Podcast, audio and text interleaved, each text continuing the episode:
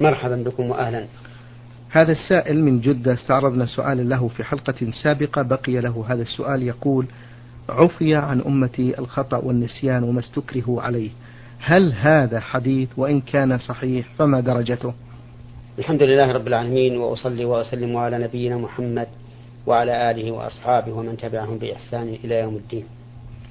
هذا الحديث صحيح المعنى وإن كان في سنده ما فيه لكن تشهد له نصوص الكتاب والسنة. فالخطأ معفو عنه. نعم. معذور به الإنسان. نعم. لقول الله تبارك وتعالى ربنا لا تؤاخذنا إن نسينا أو أخطأنا. قال الله قد فعلت. وكذلك النسيان لهذه الآية وكذلك الإكراه لقول الله تبارك وتعالى من كفر بالله من بعد إيمانه إلا من أكره وقلبه مطمئن بالإيمان ولكن من شرح بالكفر صدرا فعليهم غضب من الله ولهم عذاب عظيم.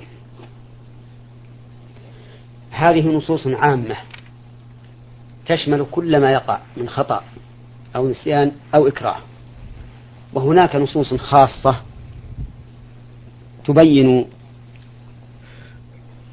ذلك أيضا. فمنها ما ثبت في صحيح البخاري عن أسماء بنت أبي بكر رضي الله عنه عنها وعن أبيها أن الناس أفطروا في يوم غيم على عهد رسول الله صلى الله عليه وعلى آله وسلم ثم طلعت الشمس. ولم يأمرهم النبي صلى الله عليه وعلى آله وسلم بالقضاء لأنهم أفطروا عن ظن أخطأوا فيه. وكذلك عدي بن حاتم رضي الله عنه كان يتسحر ويأكل وكان قد جعل تحت وساده عقالين أحدهما أسود والثاني أبيض. فكان يأكل ويأكل حتى تبين العقال الأبيض من العقال الأسود ثم أمسك. فأخبر بذلك النبي صلى الله عليه وعلى آله وسلم ولم يأمره بالقضاء. وفي الصحيح من حديث أبي هريرة رضي الله عنه أن النبي صلى الله عليه وعلى آله وسلم قال من نسي وهو صائم فأكل أو شرب فليتم صومه فإنما أطعمه الله وسقاه. وعلى هذا فالخطأ والنسيان والإكراه كلها معفو عنها عنها في هذه الشريعة الميسرة المسهلة. نسأل الله تعالى أن يزيدنا تمسكا بها آمين. وثباتا عليها إلى الممات. اللهم آمين. بارك الله لا لكن لكن ما نسي من الواجبات فإنه يقضى إذا لم يفت سببه. فلو نسي الإنسان أن يصلي فإنه يصلي إذا ذكر. لقول النبي صلى الله عليه وعلى آله وسلم من, من نام عن صلاة أو نسيها فليصليها إذا ذكرها. لا كفارة لها إلا ذلك. ثم تلا قوله تعالى وأقم الصلاة وأقم الصلاة لذكري. نعم. بارك الله فيكم. السائل يقول صلاة الفجر لا أؤديها مع الجماعة في وقتها إلا قليلا ولكنني أؤديها بعد استيقاظي من النوم مباشرة. فما الحكم في ذلك؟ مع العلم بأنني على هذا الحال منذ سنوات طويلة. الحكم في ذلك أنه إن كان هذا عن تقصير منك فإنك آثم وصلاتك غير مقبولة لأن من أخر الصلاة لغير عذر عن وقتها لم تقبل منه ولو صلاها. وإن كان عن غير تفريط بحيث أخذت الاحتياطات ووضعت عند رأسك منبها أو أوصيت من ينبهك ولكن نسي أو أخذه النوم كما أخذك فإنه لا إثم عليك وتصليها إذا استيقظت. ولكن نصيحتي لك أن تهتم يا أخي بصلاتك وأن تجعل موعد صلاتك كموعد أكبر سلطة في بلدك. لا تتأخر عنه ولا تتهاون به. اتق الله في نفسك ومن يتق الله يجعل له من أمره يسرا. بارك الله فيكم. يقول أديت فريضة الحج ولم أقصر من رأسي من جميع النواحي ولكنني أخذت آه، البعض. فما الحكم؟ وهل الحج صحيح؟ نعم الحج صحيح إن شاء الله. والحكم أن عليك فدية تذبحها في مكة وتوزعها على الفقراء هناك. كما قال هذا أهل العلم في من ترك واجبا من واجبات الحج والحلق والتقصير من واجبات الحج. بارك الله فيكم. هذا سائل يقول فضيلة الشيخ ما هو الرفع الصحيح لليدين عند تكبيرة الإحرام؟ الرفع الصحيح أن ترفع يديك إلى حلو منكبيك أو إلى فروع أذنيك. كل هذا جاءت به السنة. أو إلى شحمة الأذنين عند تكبيرة الإحرام وعند الركوع وعند الرفع منه وعند القيام من الشهد الأول ولا رفع فيما سوى ذلك. لأن ابن عمر رضي الله عنهما كان يقول إن النبي صلى الله عليه وعلى آله وسلم لا يفعل ذلك في السجود. وأما ما روي عن النبي صلى الله عليه وعلى آله وسلم أنه كان يرفع يديه في كل خفض ورفع فالظاهر والله أعلم أنه وهم من الراوي كما حقق ذلك ابن القيم رحمه الله في زاد المعاد. نعم. بارك الله فيكم. هذا طالب يقول في سؤاله تعلم العلم الشرعي هل يقتصر على المواد الشرعية فقط أم يدخل بذلك بعض العلوم؟ أرجو منكم الإفادة في سؤالي. العلوم الشرعية داخلة في العلم الشرعي وتعلمها تعلم شرعي لا إشكال في هذا. أما بقية العلوم فينظر إن كانت تعين على العلم الشرعي فإنها من العلوم النافعة التي ينتفع بها الإنسان في في التقوي على معرفة العلوم الشرعية مثل علم النحو والبلاغة وإن كانت لا لا تساعد على العلوم الشرعية. نظرنا إن كانت نافعة في الدنيا فهي من الأمور المباحة. إن كان النفع لا يتعدى للغير وهي من الأمور المطلوبة إذا كان النفع يتعدى إلى الغير. وإن كانت ضارة فهي محرمة. وإن كانت لا ضارة ولا نافعة فهي من اللغو من اللغو الذي ينبغي للعاقل أن يتجنبه. نعم. هذه السائلة آه، من ليبيا بثينة من بنغازي تقول والدي يشهد أن لا إله إلا الله وأن محمدا رسول الله وحريص على فعل الخيرات لكنه لا يصلي. فما الحكم في ذلك؟ وجهونا مأجورين. الحكم في ذلك أن هذا الرجل متناقض. إذا كان حريصا على فعل الخيرات فأي خير أعظم من الصلاة؟ لماذا لا يكون حريصا عليها؟ والواجب عليك أن تنصحيه وتحذريه من إضاعة الصلاة. وتبين له أن ترك الصلاة كفر مخرج عن الملة. وأن من لا يصلي فهو مرتد خارج عن ملة الإسلام. عليه أن يتوب إلى الله وأن يدخل في دينه وأن يكثر من الاستغفار والتوبة. فإن مات على ترك الصلاة مات كافرا. لا يغسل ولا يكفن ولا يصلى عليه ولا يدعى له بالرحمة ولا يدفن مع المسلمين. وهو يوم القيامة يحشر مع فرعون وهامان وقارون وأبي بن خلف نسأل الله العافية. ومواه النار وما للظالمين من أنصار. ونسأل الله له الهداية. اللهم وأن يوفقه لما فيه الخير والصلاح. اللهم آمين. بارك الله فيكم فضيلة الشيخ. ما حكم زيارة الميت يوم الجمعة وتخصيص ذلك اليوم؟ نرجو بذلك إفادة. الصحيح أن الميت لا لا لا يخص لا تخص زيارته في بيوم الجمعة. بل تزار القبور في أي وقت كان. وقد ثبت عن النبي صلى الله عليه وعلى آله وسلم أنه زارها ذات ليلة من الليالي. والمقصود بزيارة الموتى أي بزيارة القبور المقصود تذكر الموت. لقول النبي صلى الله عليه وعلى آله وسلم كنت نهيتكم عن زيارة القبور فزوروها فإنها تذكر تذكر الموت. أو قال تذكركم الموت. وفي لفظ تذكر الآخرة. وذلك أن الرجل إذا مر بالمقابر وجد هذه الدور الكثيرة التي سكنها أناس كانوا معه يسكنون القصور كانوا يمشون على الأرض والآن هم مرتهنون في بطن الأرض. كانوا يتمكنون من الأعمال الصالحة والآن لا يتمكنون من الأعمال الصالحة.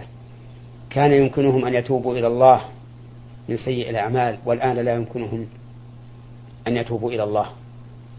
يتذكر مثل هذه هذه الأمور. ثم يقول لنفسه ألست أنا سأكون مثلهم؟ قد يكون عن قريب أو بعيد هو قريب في الواقع. فيتذكر ويستعتب ويتوب ويقبل الله عز وجل بهذه الزيارة. وأما زيارة المقابر من أجل الاستنجاد بالمقبورين ودعائهم أو دعاء الله عند قبورهم فكل هذا بدعة عظيمة. ومنها ما يوصل إلى الشرك الأكبر كدعاء المقبورين والاستنجاد بهم. فالواجب على المؤمن أن يفرق بين الزيارة الشرعية والزيارة البدعية والزيارة الشركية. فيقوم بالشرعية ويدع البدعية والشركية. نعم. بارك الله فيكم. آه له فقرة أخرى هذا السائل فضيلة الشيخ يقول ما حكم الصلاة خلف المبتدع؟ نعم. الصلاة خلف المبتدع إن كان هذا مما يغري الناس به فيقوى ميزانه فيثقل ميزانه عند الناس وتقوى بدعته فلا يجوز أن يصلى معه مهما كانت البدعة. وإن كان ذلك لا يؤثر فإن كانت بدعته مكفرة فإنه لا يصلى خلفه. وإن كانت بدعته مفسقة فإنه يصلى خلفه كسائر العصاة. ولكن إذا كان هذا يؤدي إلى اغتراره بنفسه واستمساكه ببدعته فإنه لا يجوز أن يصلى خلفه احتقارا له ولئلا يضل الناس ببدعته نعم. هذا السائل من الرياض يقول فضيلة الشيخ ما حكم بما يسمى عشاء الوالدين في المناسبات في رمضان والخميس والإثنين؟ لا أعلم لهذا أصلا من كتاب الله ولا سنة رسوله صلى الله عليه وعلى آله وسلم ولا عمل السلف الصالح. ولا شك أن الصدقة في رمضان من أفضل الصدقات لشرف الزمان ولأن شهر رمضان شهر الجود والكرم. وكان النبي صلى الله عليه وسلم أجود الناس وكان أجود ما يكون في رمضان حين يلقاه جبريل فيدارسه القرآن.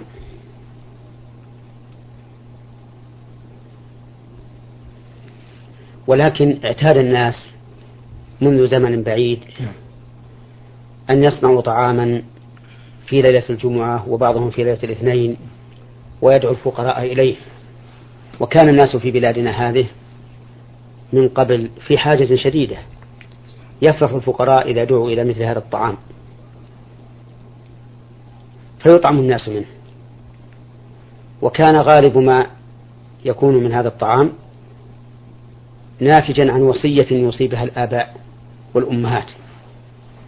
فمن ثم أطلقوا عليه عشاء الوالدين يعني العشاء الذي أوصى به الوالدان.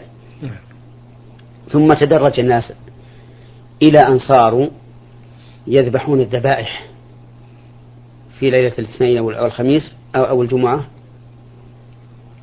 ويجمع من حولهم من الجيران سواء كانوا أغنياء أم فقراء وتكون حفلة. فإذا كان هؤلاء يتقربون إلى الله بالذبح بخصوصه كانوا بلا شك مبتدعة لأن الذبح لا يتقرب به إلى الله إلا في مواطنه كالذبح في أيام النحر في عيد الأضحى وذبح العقيقة والهدي الذي يهدى إلى الحرم بمكة وما سوى ذلك فإنه لا يتقرب إلى الله بنفس الذبح. ولهذا أخشى إن طال بالناس زمان أن يعتقد الجهال أن رمضان كعيد الأضحى. يكون محلا للتقرب إلى الله تعالى بالذبح فيه. وهذه مسألة خطيرة لأنها مبنية على عقيدة فاسدة. والخلاصة أن العشاء الذي يسمى عشاء الوالدين في رمضان لا أصل له لا من كتاب الله ولا سنة رسوله ولا عمل السلف الصالح. نعم. بارك الله فيكم على هذا التوجيه المبارك شيخ محمد. نعم. هذا سائل يقول إذا مات شخص إذا مات الشخص ودفن هل تجوز الصلاة عليه وهو في القبر؟ الصلاة على الميت بعد دفنه لمن لم يصلي عليه أولا مشروعة. نعم. لأنه ثبت أن رسول الله صلى الله عليه وعلى آله وسلم صلى على القبر بعد دفن الميت حيث لم يصلي عليه من قبل. ولكن هل تحدد المدة التي يصلى فيها على القبر؟ أم هي مطلقة؟ قال بعض العلماء إنها تحدد بشهر وأنه لا يصلى على القبر بعد مضي شهر.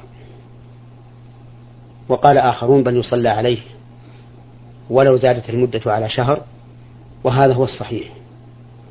بشرط أن يكون هذا الميت مات في زمن يكون المصلي عليه من أهل الصلاة.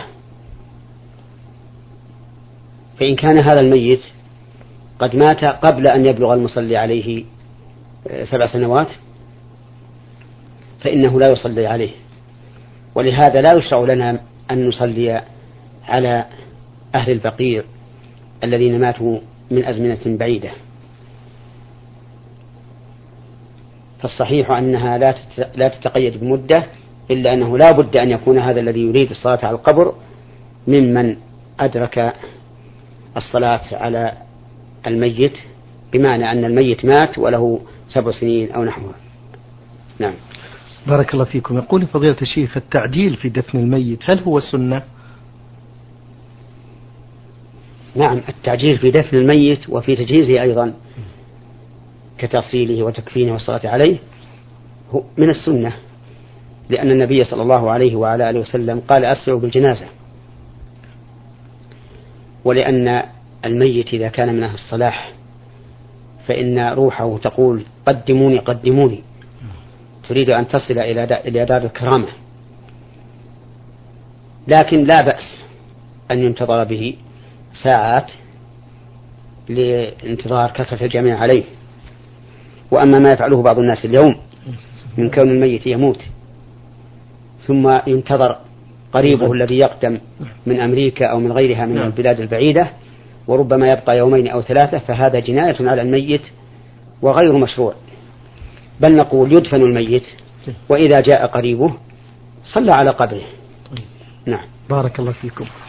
هذا السائل آه، من الدمام يقول جاري يسيء إلي ولأبنائي وأنا صابر فبماذا وأنا, وأنا صابر ومتحمل فبماذا تنصحونني مأجورين؟ الواقع أنك لست ممن ينصح.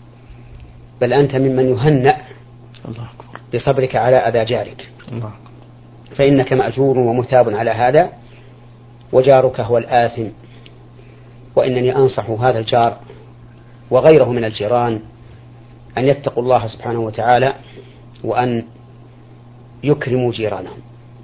فإن رسول الله صلى الله عليه وعلى آله وسلم قال من كان يؤمن بالله واليوم الآخر فليكرم جاره. وقال عليه الصلاة والسلام والله لا يؤمن والله لا يؤمن والله لا يؤمن من لا يأمن جاره من لا يأمن جاره بوائقه. وقال ما زال جبريل يوصيني بالجار حتى ظننت أنه سيورثه. فعلى الجيران أن يتقوا الله تعالى في أنفسهم وفي إخوانهم وأن لا يسيئوا إلى إلى إلى جيرانهم. هذا وقد قال العلماء إن الجار قد يكون له ثلاثة حقوق أو حقان أو حق واحد. فإذا كان الجار مسلما قريبا فله ثلاثة حقوق حق الجوار وحق الإسلام وحق القرابة. وإذا كان الجار كافرا قريبا فله حق الجوار والقرابة. وإذا كان الجار كافرا غير قريب فله حق الجوار. فالمهم أن للجار حقا حتى وإن كان كافرا فليتق الله امرؤ في نفسه وليكرم جيرانه وليحسن إليهم بقدر ما يستطيع. حتى إن النبي صلى الله عليه وعلى آله وسلم قال إذا طبخت مرقة فأكثر ماءها وتعاهد جيرانك. نعم. بارك الله فيكم. من جدة السائل ميم باء ألف يقول أخي موظف منذ أربع سنوات وينفق على الأسرة من راتبه وهو لا يؤدي الصلاة أو تارك لها. فما حكم الاستفادة من ماله؟ جزاكم الله خيرا. أولا أوجه النصيحة لأخيك. أقول له اتق الله في نفسك. أقم الصلاة. إن ترك الصلاة كفر مخرج عن الملة. لا تمت على الكفر فتكون من أصحاب النار. وأقول لكم خذوا ما يعطيكم ما يعطيكم إن كنتم في حاجة. وإلا فلا تأخذوا منه شيئا. وإن خفتم بل وإن ظننتم أنه أنكم إذا رددتم ما يعطيكم كان سببا في رجوعه إلى دينه فردوه لعله يخشل ويحاسب نفسه فيرجع إلى دينه. نعم. بارك الله فيكم. هذا سائل من الرياض يقول آه، مدرس يفرق بين تلاميذه حيث يكون حازما مع بعض الطلاب ورفيقا مع البعض الآخر. فما الواجب عليه في مثل هذه الحالة؟ مأجورين. الواجب على المدرس أن يقوم بالعدل بين الطلاب فلا يحابي قريبا لقرابته ولا صديقا لصداقته ولا غنيا لغناه ولا شريفا لشرفه ولا فقيرا لفقره ولا وضيعا لضاعته. عليه أن يقوم بالعدل بين الطلاب. بحيث يقرأ الأجوبة إذا كانت أجوبة متجردا عن أي هوى وكأنها أجوبة من لا يعرفهم لأنه مسؤول أمام الله عز وجل عن عن العدل في ولايته في من ولاهم الله عليه. فليستعد للجواب الصواب. وإني أقول لهذا المدرس نعم. أرأيت لو كان لك ولد وكان مدرسه يهضمه حقه أو يفضل غيره بغير سبب أتراك تعتب عليه والجواب نعم سيعتب عليه بلا شك وإذا كان كذلك فليعامل أولاد الناس بمثل ما يحب أن يعامل به أولاده. فعلى, المدرس أن يستقي الله عز وجل وأن يعامل أولاد الناس بما يحب أن يعامل به أولاده حتى يتحقق له الإيمان بالله. فقد قال النبي صلى الله عليه وسلم لا يؤمن أحدكم حتى يحب لأخيه ما يحب لنفسه. نعم. بارك الله فيكم فضيلة الشيخ. نختم هذا اللقاء بسؤال لأحد الإخوة.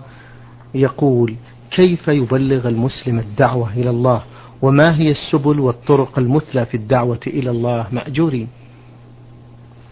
يبلغ المسلم الدعوة إلى الله بأن يتجول في بلاد الله عز وجل ويتكلم على الناس ويعظهم. وأما الدعوة العامة فتكون في المساجد في المدارس في المجامع. وأحسن ما يدعى به عباد الله كلام الله عز وجل. ثم كلام رسوله صلى الله عليه وعلى آله وسلم لقوله عليه الصلاة والسلام إن خير الحديث كتاب الله وخير الهدي هدي محمد صلى الله عليه وسلم. نعم. شكر الله لكم من فضيلة الشيخ وبارك الله فيكم وفي علمكم ونفع بكم المسلمين. أيها الإخوة الأحباب أيها الإخوة المستمعون الكرام أجاب على أسئلتكم فضيلة الشيخ محمد بن صالح بن عثيمين الأستاذ في كلية الشريعة وأصول الدين في القصيم وخطيب وإمام الجامع الكبير في مدينة عنيزة. شكر الله لفضيلته وشكرا لكم أنتم. وفي الختام تقبلوا تحيات زميلي مهندس الصوت سعد عبد العزيز خميس. والسلام عليكم ورحمة الله وبركاته. نور على الدرب. برنامج يومي يجيب فيه أصحاب الفضيلة العلماء على أسئلة المستمعين. البرنامج من تقديم وتنفيذ عبد الكريم صالح المقرن